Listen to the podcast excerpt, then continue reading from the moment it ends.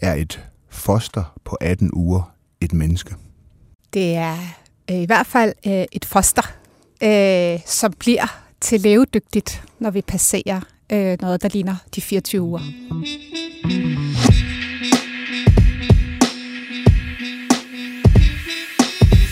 Majbrit Berlov, generalsekretær for Sex og Samfund. Du kommer i studiet her i dag, øh, fordi du skal prøve at overbevise mig om, at abortgrænsen den skal hæves. Tror du kan det? Uh, ja, det er jo lidt præstationsangst at få lagt på sine skuldre, men jeg håber i hvert fald, at jeg kan give dig noget viden, og vi kan udfordre hinanden i en samtale, der kan gøre os klogere, for det tror jeg er helt nødvendigt, når vi snakker om den her debat. Det synes jeg er et godt svar. Uh, I har i Sex og Samfund foreslået at hæve abortgrænsen til minimum 18 graviditetsuge. Og i dag der ligger den, som de fleste nok ved, øh, ved udgangen af uge 12. Vi kommer til at gå i dybden øh, med dine argumenter, men kan du ikke lige først give sådan den ultra korte udgave af, hvorfor at I mener, at den skal hæves til minimum uge 18? Oh. Altså først og fremmest, så synes jeg, det er vigtigt at sige, at uge 12 bygger på lovgivning, der er 50 år gammel, og den lovgivning bygger på øh, sundhedsfaglig viden på det tidspunkt, øh, som ligger 50 år øh, tilbage. Og der er sket rigtig meget sundhedsfagligt. Vi kan lave trygge og sikre aborter helt op til uge 22 i dag. Øh, men efter uge 12 er det jo ikke længere kvinden, der træffer beslutningen. Og det er noget af det, vi udfordrer, for vi synes, at der ligger en meget stærk frihedsrettighed, frihedsrettighed i at kunne træffe beslutning over en krop. Altså, så der er noget med individets frihedsret over statens ret til at bestemme, og som jeg ligesom startede med at sige, så, så, så skal vi have en samtale, og, og du skal jo selvfølgelig også forsøge at, at, at overbevise mig. Derfor kan jeg måske lige også kort ris øh, mine argumenter for, hvorfor jeg ikke synes, man skal ændre på abortgrænsen på de 12 uger op. Både du og jeg sætter en grænse et eller andet sted. Der er et, vi har en grænse for kvindens ret til at bestemme over egen krop, fordi at både du og jeg anerkender, at på et eller andet tidspunkt, øh, så har det her ufødte barn også nogle rettigheder, som man er nødt til at tage hensyn til, og derfor sætter staten en eller anden grænse, fordi statens rolle er jo til syvende og sidst ligesom at, at beskytte individer og deres rettigheder. Så vi sætter begge to en grænse, og jeg anerkender fuldstændigt, at man kan ikke bare slå op i en bog og sige, at den grænse den skal ligge ved u 12, eller u 10, eller u 22. Det er, det er lidt, et, lidt et etisk spørgsmål.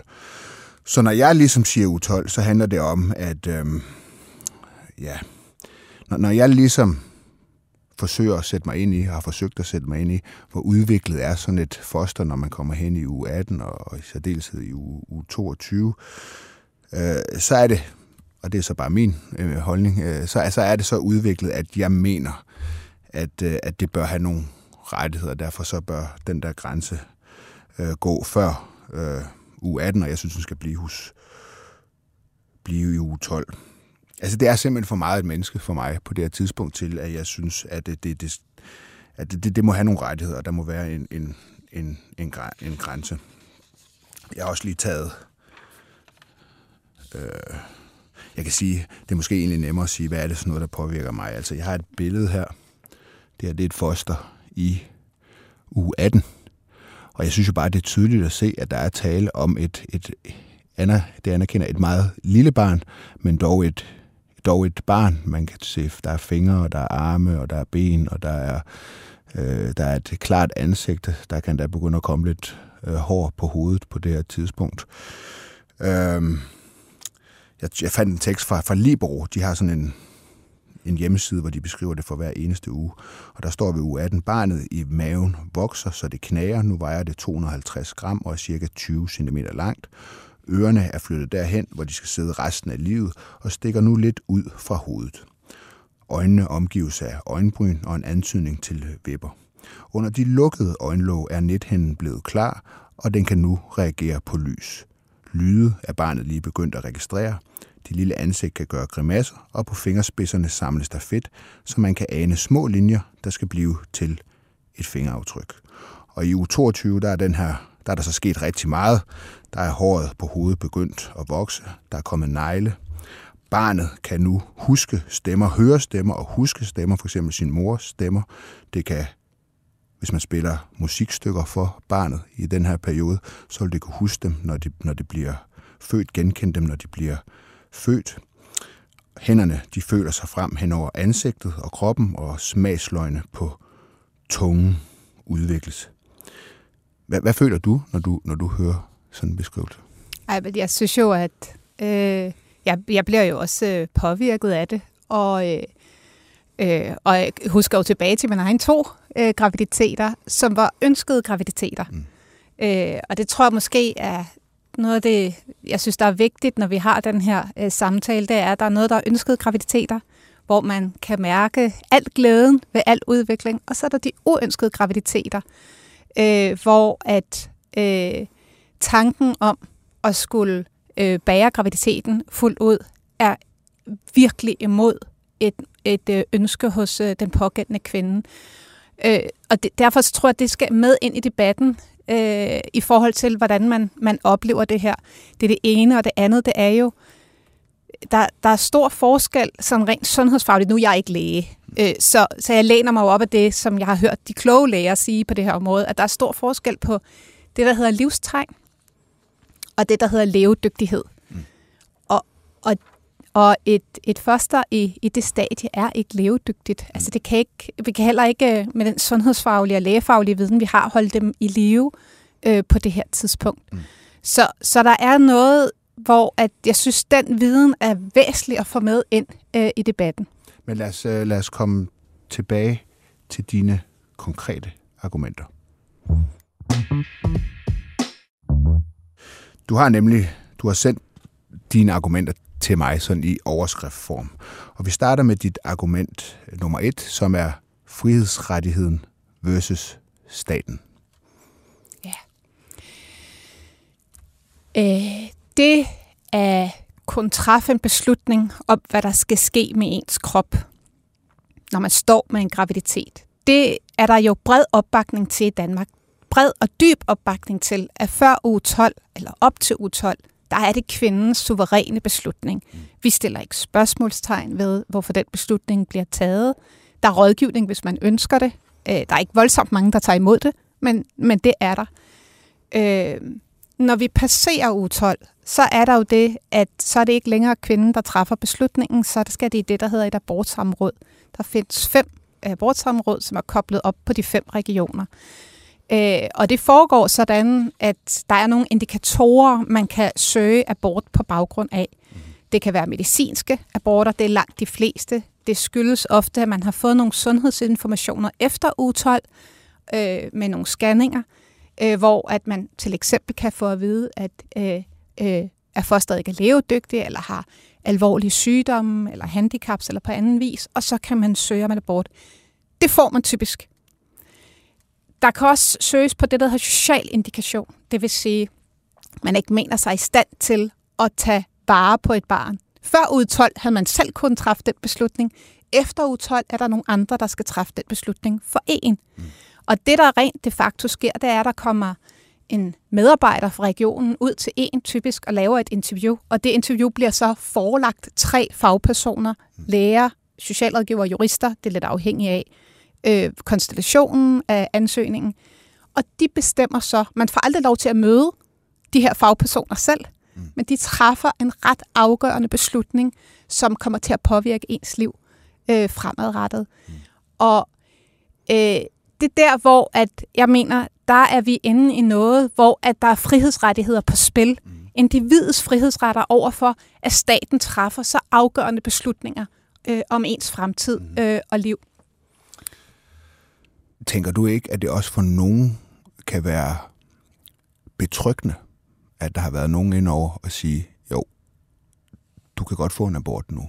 Altså dit barn er ikke levedygtigt, eller det er så sygt, eller der er måske far for dig selv, øh, hvis du gennemfører den her graviditet, at man ligesom har fået det stempel af nogle fagpersoner, og det giver en tryghed. Jeg læste et interview med en jordmor, som ligesom sagde, øh, Mette Kiel, tror jeg hun hed, det var et interview i politikken, hvor hun ligesom sagde, at det hun sådan meget oplevede med de der senaborter, hun, hun foretager senaborter, det var, at, øh, at de havde meget brug for bekræftelse, de her kvinder. Gør jeg nu det rigtige? Er det ikke det rigtige, jeg gør?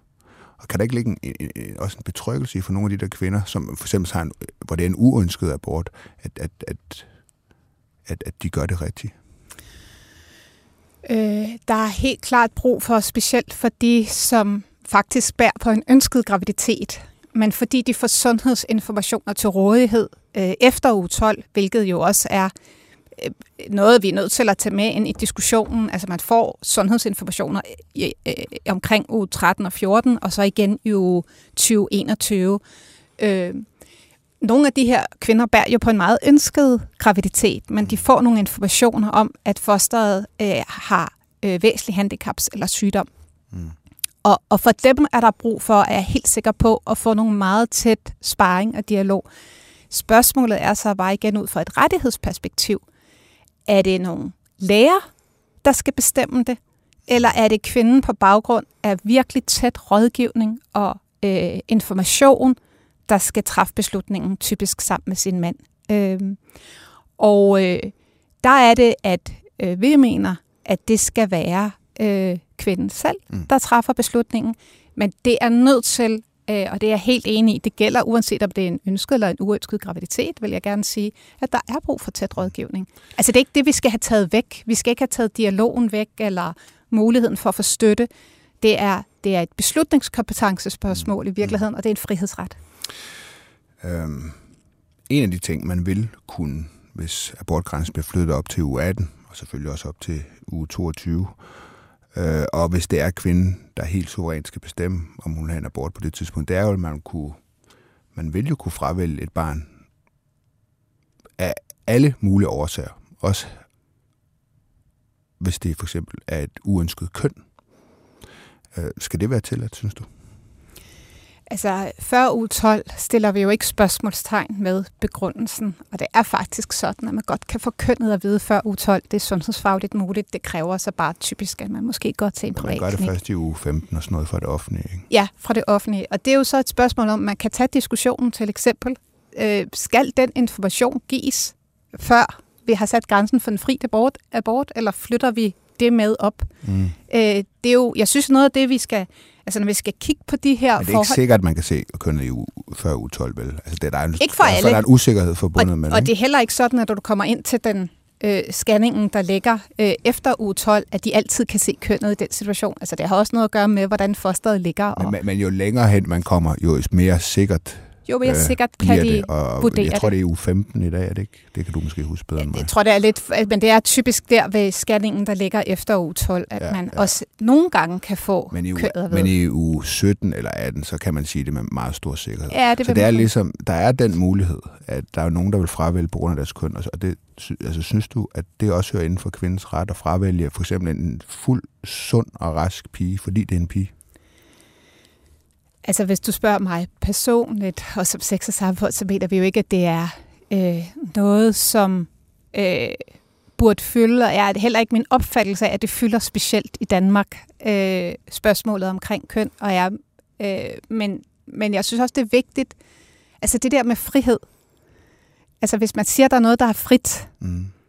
så i det øjeblik, du sætter barriere op og regulerer det, altså nu er vi inde i, altså den, mm. øh, den grundlæggende diskussion omkring frihed. Hvis vi siger, der er fri abort, mm. men vi siger, at det gælder kun de her forhold, eller de her ting, altså ikke frit alligevel, hvad sker der så? Så omgås folk det bare, mm. øh, hvis de virkelig godt vil, eller de tager til udlandet, eller mm.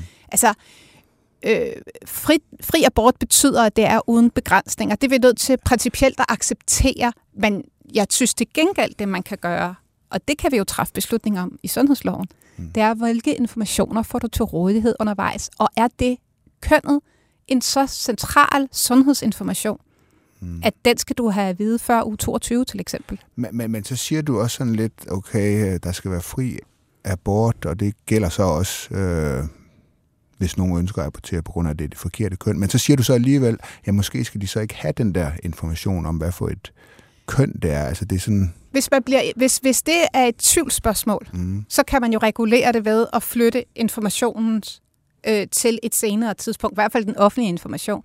Når, når Hvad jeg, så med private klinikker? Hvis, øh, skal de også forbydes at kunne give kønnet? Altså, øh, for at undgå, at man aborterer på Det kan man jo beslutte sig i Folketinget. Men synes I det i sex og øh, Altså, ja, det er ikke vores opfattelse, at det her med køn mm. betyder mm. specielt meget. Men, men er det ikke noget, man skal... Altså, man kan jo sige, lovgivningen former jo også kulturen. Så i dag, hvis der skulle sidde nogen med et ønske om at abortere på grund af køn, så vil de få et nej. Sige, det er ikke en gyldig grund efter u 12. Øh, det vil det ikke være, nej. Nej, så de vil få Helt et nej i dag. Det vil ikke kunne lade sig gøre. Ja. Øh, hvis det kunne lade sig gøre, altså, så, så er det vel ikke... Jeg, jeg ved faktisk, der er eksempler fra det i Holland. Øh, hvor at, øh, der, var, der var i hvert fald, jeg læste, jeg læste om et eksempel i hvert fald, hvor der var et par, der havde to piger, og den tredje var så også en pige, de ville gerne have en dreng, og så fik de en abort.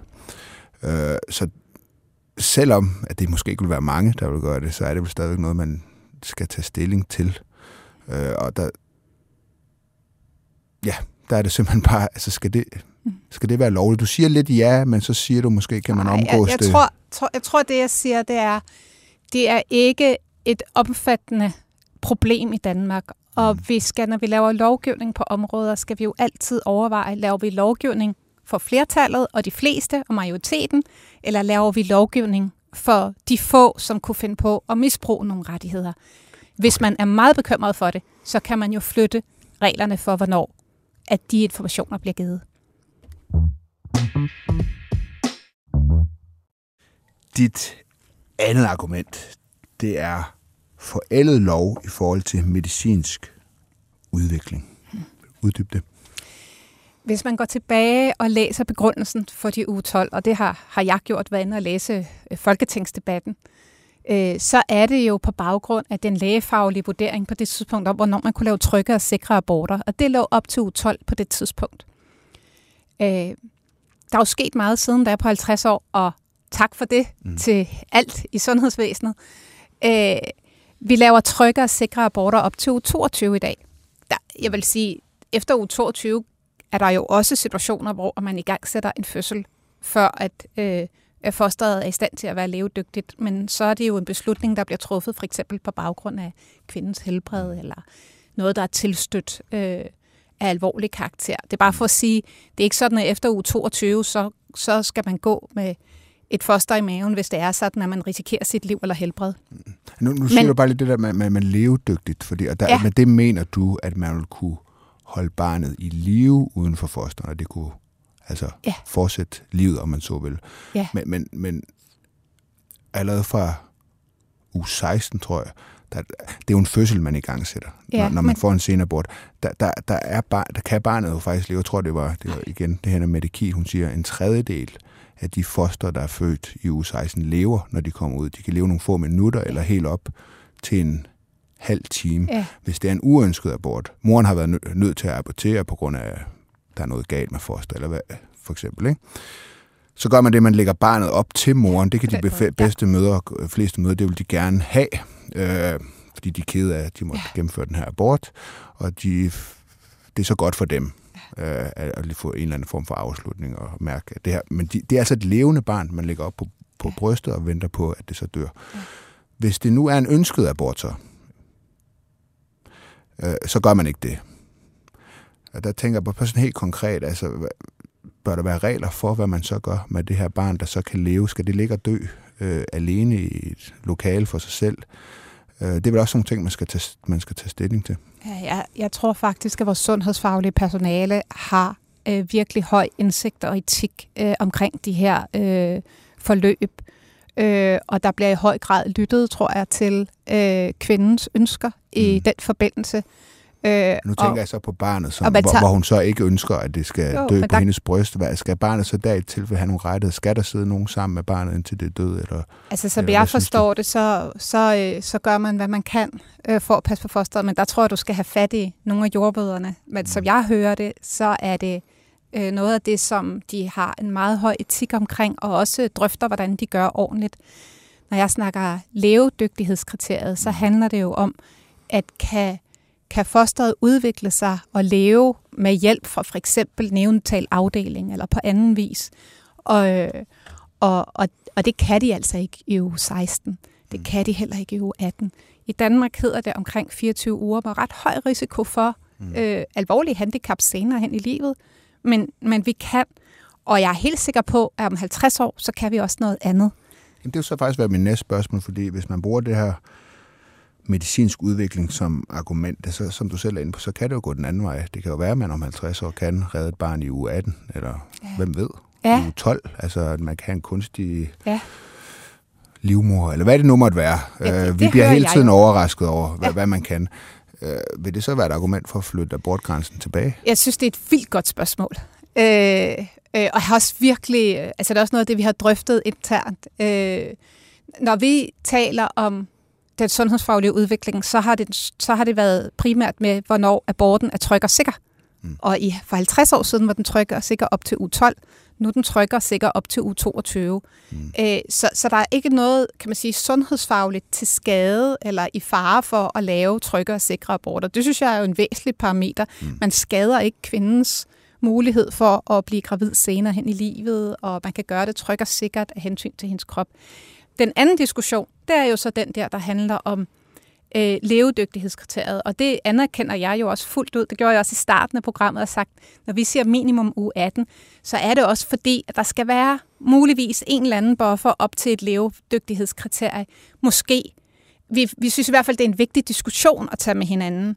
Øh, og i det så ligger der også en modning af, at, at vi selvfølgelig som samfund bliver enige med os selv om, øh, hvorfor ligger grænsen, hvis den skal flyttes? Mm. Hvad er begrundelsen for at flytte det et andet sted hen?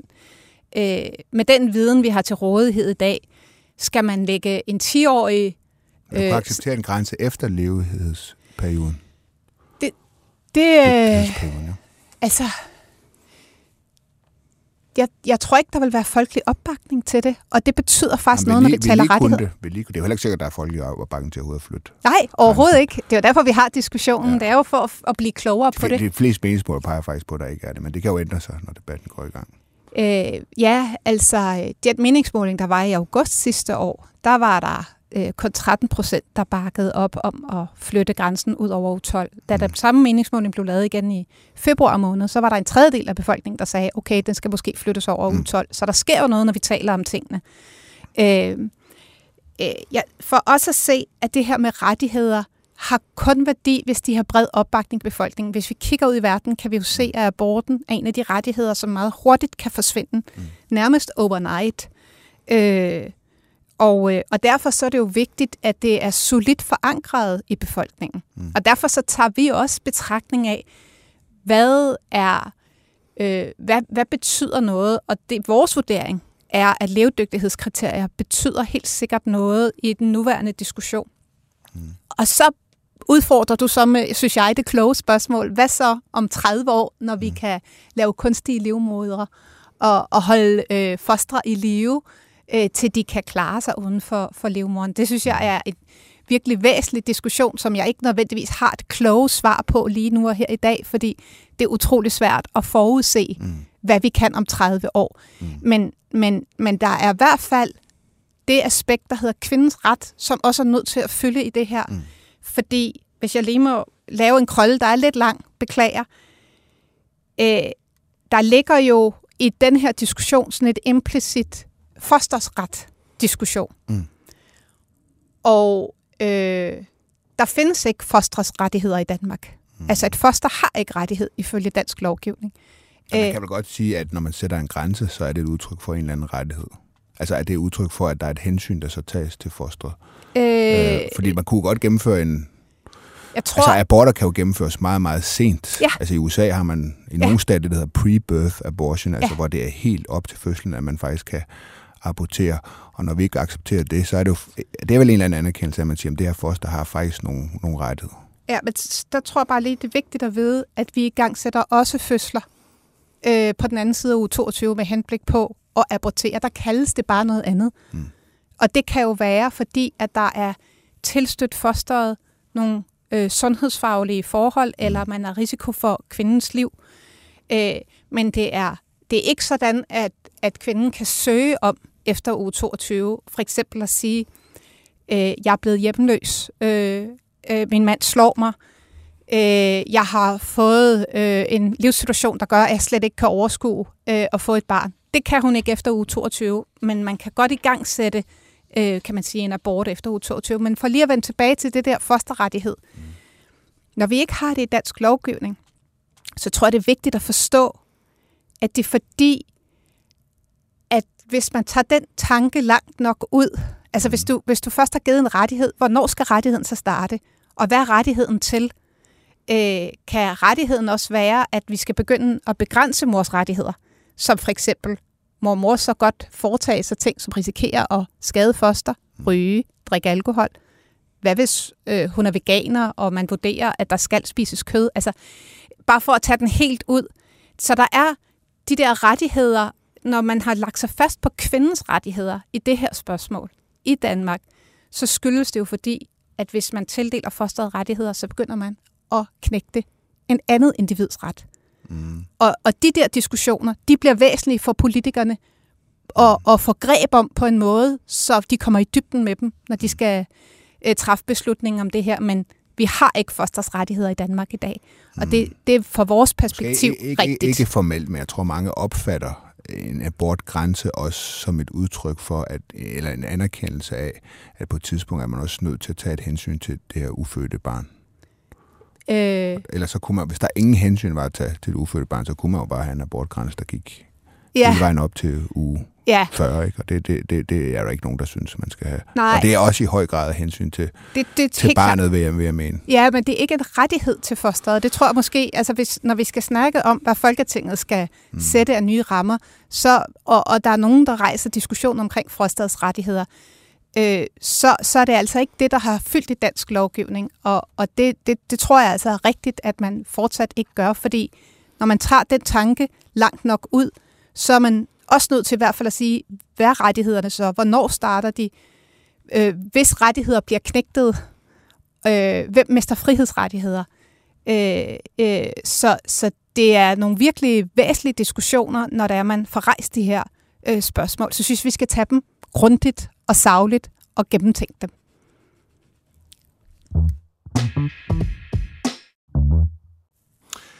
Dine øh, det tredje argument, det hedder manglende transparens og social slagside. Først vil jeg lige læse lidt, lidt fakta op. I dag der ligger grænsen for fri abort, som de fleste nok ved, ved 12. graviditetsuge. Og efter den her 12. uge, der skal man så søge om tilladelse, som vi har været inde på. Tilladelse til abort hos regionernes abortråd, og de består typisk af en overlæge, psykiater og en jurist. Langt de fleste kvinder får tilladelse til senabort efter uge 12, men sidste år så var der faktisk 46 kvinder, som fik afslag. Næsten alle sagerne, hvor der blev givet afslag, er såkaldte sociale sager. For eksempel blev der givet afslag til en kvinde, der søgte om senabort i u 20, fordi faderen til barnet var troende og voldelig. Når det kommer til sager, hvor fosteret fejler noget, så bliver der i langt, langt de fleste tilfælde givet tilladelse. Øh, for eksempel så var der en kvinde øh, i 13 uge, som fik tilladelse til senabort, fordi barnet havde en det, man kalder en reduktionseffekt på den, øh, på den ene arm. Synes du egentlig, at det, det, er, det er en okay grund at få tilladelse til abort, fordi at man mangler noget af den, af den ene arm?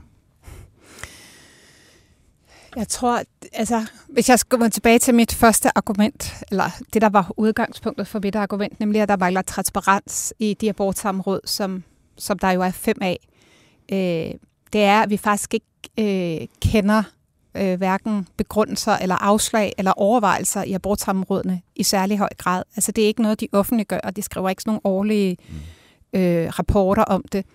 Øh, det vi i hvert fald kan se, det er, at der udvikler sig nogle faglige standarder i de fem sammenråd øh, hver for sig. Mm. Øh, og så det, der er meget, der tyder på, det er, at det, man kan få måske godkendt abort på, eller afslag abort på et sted i Region Midt, kan man måske øh, få et andet svar på i Region Sjælland. Det er meget uheldigt.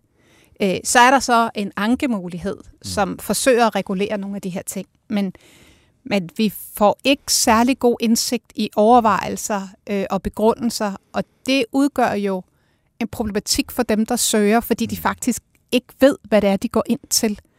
Øh, og Men, derfor så vil vi, vi i virkeligheden gerne have, have det gjort mere transparent som det ene, og som det andet, som du selv siger. Der er meget klar en social slagside, hvor at kvindens historie i de sociale indikationssager, som det så hedder på øh, det sprog, øh, ikke ikke bliver så tungvejende, er der meget, der tyder på. Men, men, men hvis folk vender tilbage til spørgsmål, altså synes du, det er okay? Er det, er det en legitim grund at få en abort, fordi at et ellers sundt og rask foster mangler en noget af sin arm? Øh, jeg tror, at det er øh, vigtigt øh, for mig, der går ind for fri abort, at øh, jeg ikke skal gøre mig til moralsk, øh, etisk eller sundhedsfaglig dommer over andre menneskers øh, beslutninger, hvad det her angår. Mm. Øh, og øh, det er jo noget af det, der ligger i den fri abort, som vi er nødt til at holde fast på, fordi hvis vi først begynder at betvivle øh, de begrundelser, folk har, øh, så begynder vi jo allerede at sætte barriere op, og det er dilemmaet men, men, ved fri, men, men det den fri abort. Men det gør man jo, altså det gør man jo vel, fordi at man er den opfattelse, at, at, at det her øh, ufødte barn også skal have nogle rettigheder, og derfor må der være en eller anden grænse for, hvad der er legitim årsag til en abort. Altså jeg kan sige, jeg, jeg har haft en kollega på Ekstrabladet, der arbejder derovre, Janus Østergaard. Han er der nu, han er chef for den politiske redaktion. Han, er, han mangler øh, sin ene underarm øh, på sin højre hånd. Øh, det ligger man jo mærke til, når man sådan først ser ham.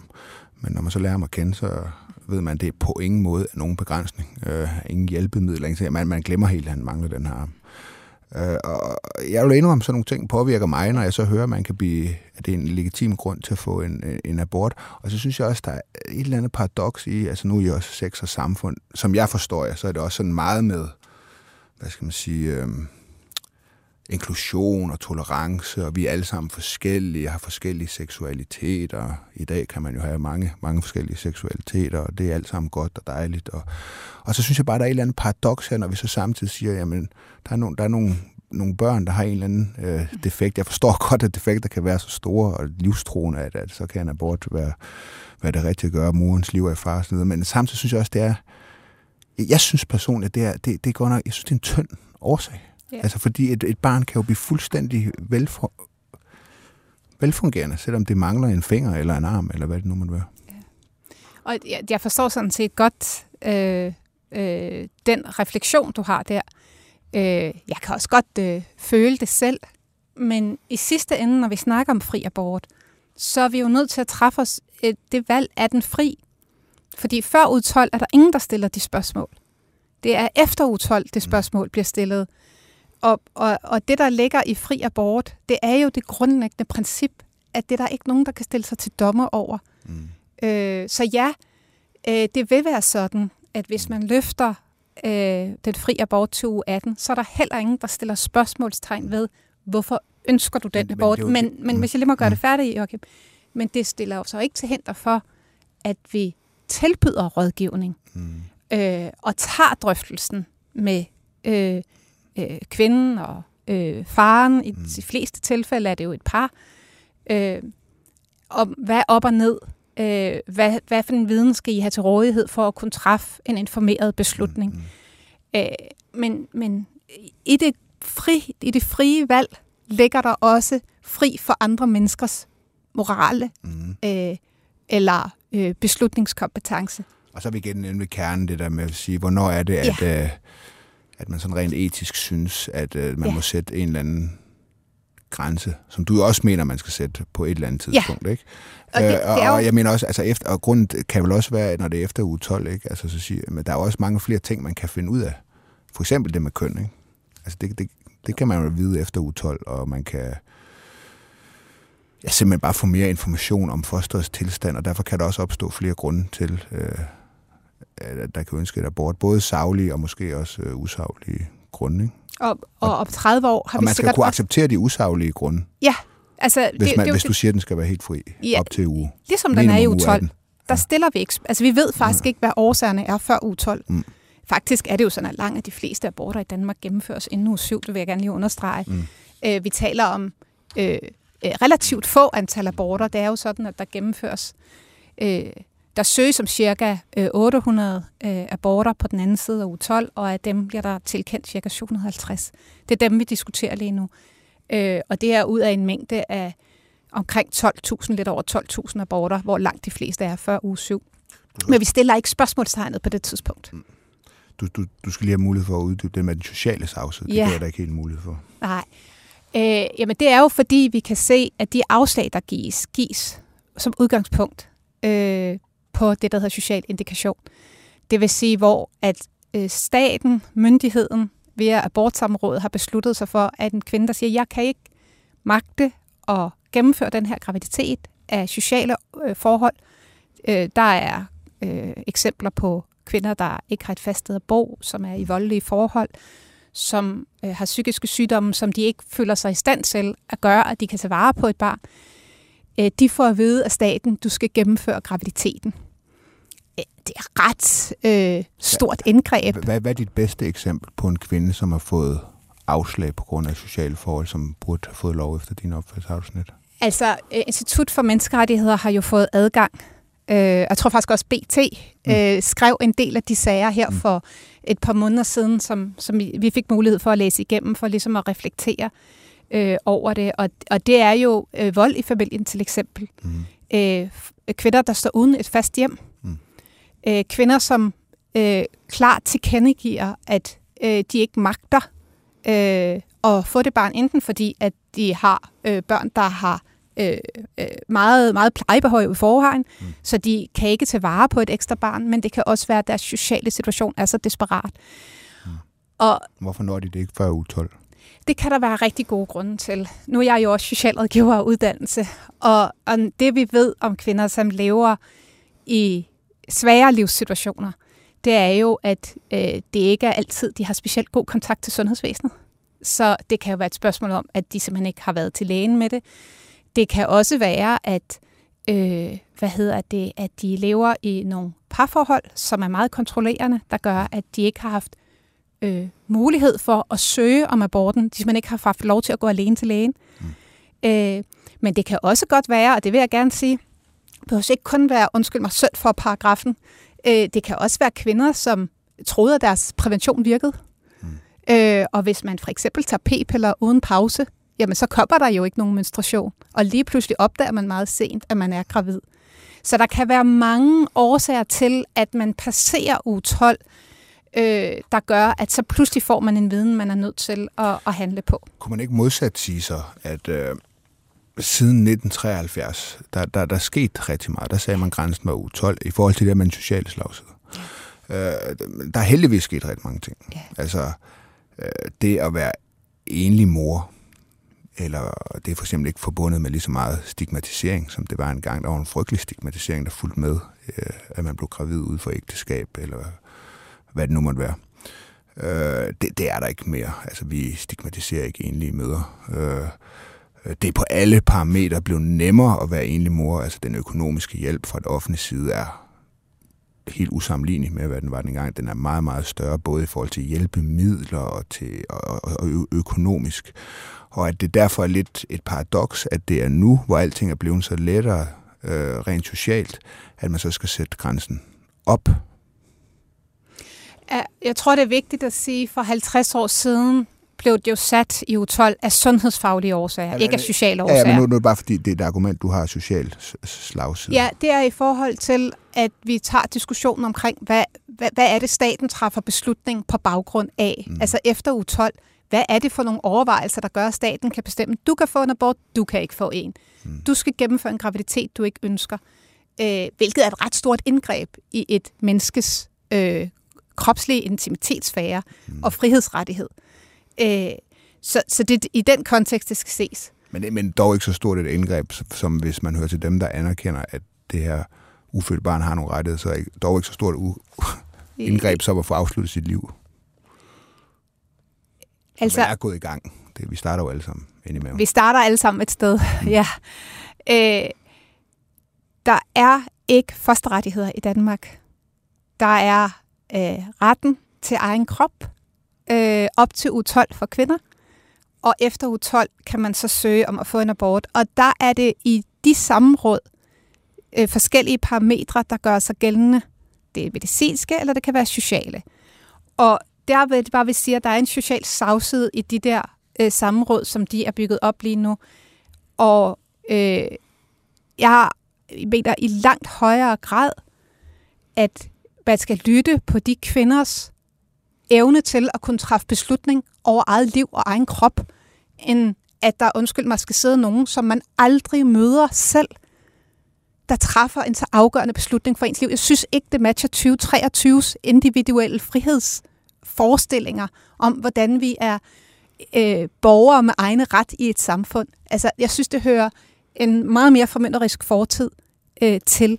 Og derfor, uanset hvad politikerne på Christiansborg vælger at gøre i forhold til ugegrænsen, så er en kæmpe appel herfra, at hvis I ikke flytter ugegrænsen, så gør noget ved de samme råd, fordi den måde, de opererer på, hører til i 73 optik og ikke 2023 optik. Jeg, jeg vil prøve at gøre lidt, øh, lidt status her. Øh, altså, jeg, jeg, jeg er ikke helt overbevist endnu, og det er og kan nok godt koges ned til det her i forhold til, øh, hvornår det her ufødte barn skal have en eller anden form for, så kan du sige, at der er ikke nogen formelle rettigheder, men jeg, jeg vil så stadig mene, at det der er en grænse, der ligger en eller anden, i hvert fald anerkendelse af, at, at der også er et hensyn til det her ufødte barn. Og derfor siger vi ikke, at, at man kan få det helt op til fødslen. Øh, I hvert fald ikke frit. Øh, det bliver måske lidt semantik, men, men det, det, det, det kan jeg mærke, det gør stadigvæk ret stort indtryk øh, på mig, når jeg ligesom sætter mig ind i, hvor udviklet et foster er øh, efter uge 12, og i hvert fald helt op til uge, uge 22. Tror du egentlig, du kender også dansk politik rigtig godt, Majbrit? Øh, tror du, at, øh, at det ender med, at, øh, at grænsen den bliver flyttet? Åh, oh, det er jo så farligt at jinxe noget, som man, øh, man virkelig håber på.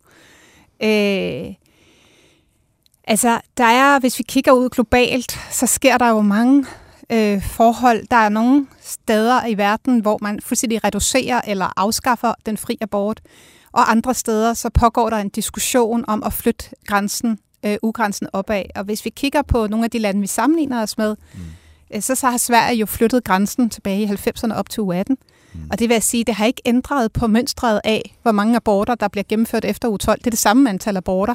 Øh, så, så der er meget, der tyder på, at de antal aborter, der er brug for at være, de, de, de kommer uagtet alt, skulle jeg til at sige. Mm. Så vil der bare blive søgt om dem. Norge er i gang med øh, at kigge på, de har nedsat en kommission, der kigger på at løfte fra u 12 til u 18. Mm. Øh, der er en række andre europæiske lande, der kigger på at flytte ugegrænsen op også. Mm. Øh, Frankrig vil indføre det i forfatningen.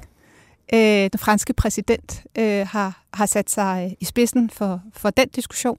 Så der er en, en udvikling i gang, hvor at Danmark også på en eller anden måde skal finde ud af, hvordan lægger vi os på det her spørgsmål. Og derfor så tror jeg, at det bliver en meget intens, men også vigtig diskussion. Øh, så håber jeg så til gengæld ikke, det bliver den sidste. Mm. Fordi jeg håber ikke, at Folketinget vælger at lave det samme greb en gang til, og så sige, oh, men så har vi diskuteret det, så lad os vente 50 år en gang til, fordi det er ikke sundt. Hvad, altså, tror du så, det lykkes for dig og ja, at flytte grænsen? Og tror det ender med, at politikerne gør det? Jeg håber på, det bedste bud. Jeg, jeg håber på, at de flytter ugegrænsen op. Hvor den bliver lagt, det, det, det, det tror jeg er svært at spå om. Men jeg håber på det, og jeg håber på, at de får kigget på de samme råd, mm. øh, som jeg ikke mener er i overensstemmelse med nutidige opfattelser. Øh, og så håber jeg også på, at de slet ikke kommer ind på, men at de også flytter aldersgrænsen lidt ned, så det er i overensstemmelse med alle andre beslutninger, 15-årige kan træffe her øh, i livet. Og, øh, og så sidst, men ikke mindst, øh, så håber jeg også på, at den her diskussion kan blive taget med en ret stor omsorg. Øh, fordi for de kvinder, der vælger at træffe beslutningen, så er det altså meget hårdt at se beskrivelser om, at man skulle være en morder, fordi at man gennemfører en abort. Øh, Sådan noget sprog, det, det Jeg synes, det, jeg synes, det bliver en meget ophedet debat, og bare for at sige, i det, at, samt, altså, at aborten synes du, er fri... Synes du, jeg gør mig skyldig i det? Nej, det synes jeg bestemt ikke, og det synes jeg faktisk sjældent, du gør, Joachim. Ja, det var godt. Øh, altså, øh, jeg synes, vi skal øve os alle sammen på at, at, at tage den her diskussion så savligt og grundigt, som vi kan, øh, og anerkende, at der er mange perspektiver i den. Men hvis jeg bare må lige lægge blikket hvile et øjeblik på de kvinder, som skal træffe beslutningen, så, øh, så er der noget, der tyder på i vores samfund også, at fordi vi ikke har talt sammen meget sammen om det, så er der også et tabu omkring det at få en abort. Vi, øh, vi har offentliggjort i går øh, platformen, der hedder abortfortællinger.dk. På to dage har vi samlet 120 abortfortællinger ind for kvinder, som har haft lyst til at skrive deres fortælling. Og de ser meget forskellige ud. Men det, det har til fælles, det er, at langt de fleste af dem siger, jeg har ikke oplevet, at jeg har kunnet fortælle omverdenen, hverken i familie eller nær omgangskredse omkring min abort. Jeg har oplevet at blive mødt med moralsk vurdering af mit valg. Jeg har øh, oplevet, at min fortælling faktisk helst skulle være ufortalt, fordi det har omgivelserne bedst med. Mm. Og det håber vi på med abortfortællinger.dk og den bog, vi udgiver i morgen sammen med Seje Laura Christensen, at gøre noget ved, så vi også får samtalen sat fri. Mm. Hvis jeg her til sidst skal give mit øh, bud, nu, nu er jeg jo politisk kommentator, så jeg må våge, våge pelsen lidt. Jeg må sige, at ingen ved det jo. Altså man kan jo sige, der hvor den står lige nu, øh, det er, at øh, Socialdemokratiet og Venstre, de venter på etisk råd, at de skal komme med en udtalelse. Og som vi talte om før programmet, så kan det jo være, at de ikke kommer med en ensidig anbefaling. Det kan jo meget vel blive et splittet etisk råd. Når det er sagt, så synes jeg i forvejen, det er en lille smule tøsedrengsagtigt, at det er så to store partier øh, med så hvad skal man sige, kendt et emne. Det er jo noget, som jeg tror, alle har prøvet at diskutere, i hvert fald med deres venner eller familier og så videre. At, at de ikke ligesom kan, at de skal vente på etisk råd, og jeg synes, de gemmer sig lidt bag det. Men hvis jeg skulle komme med et eller andet bud på, hvor det ender, så, så kunne jeg godt forestille mig, at det ender sådan med, at grænsen den bliver flyttet øh, op til uge 15 eller sådan noget. Det synes det vil være, og det siger jeg kun, fordi det vil være sådan en typisk politisk beslutning, hvor ingen vil blive rigtig øh, glade. Øh, dem, der er mod den, bliver flyttet, vil vil blive sure, og I vil måske også sige, at det er ikke helt nok og sådan noget, men de vil så kunne sige, ja, men vi har lyttet til alle. Bla, bla, bla. Det kunne jeg godt forestille mig, men jeg aner det ikke, fordi, øh, og, jeg, og det er ikke, fordi jeg ikke har spurgt i de partierne, øh, men, men, men jeg kan høre på dem. De, de, de, de ved simpelthen ikke, hvordan de skal lægge sig. Jeg tror egentlig, de helst ønskede den her diskussion hen, hvor peberet gror, hvis jeg skal være helt ærlig. Men, øh, men det er der, hvor jeg, jeg ligesom tror, det ender. Nu har vi to i hvert fald taget debatten. Øh, Majbrit, du skal være du skal have tusind tak for at stille op. Øh, det er en svær debat. Der er mange følelser i den, men jeg synes, at vi klarede det. Vi klarede det okay. Det gjorde vi i hvert fald, Joachim. Han fortsat god dag både til dig og lytterne. thank you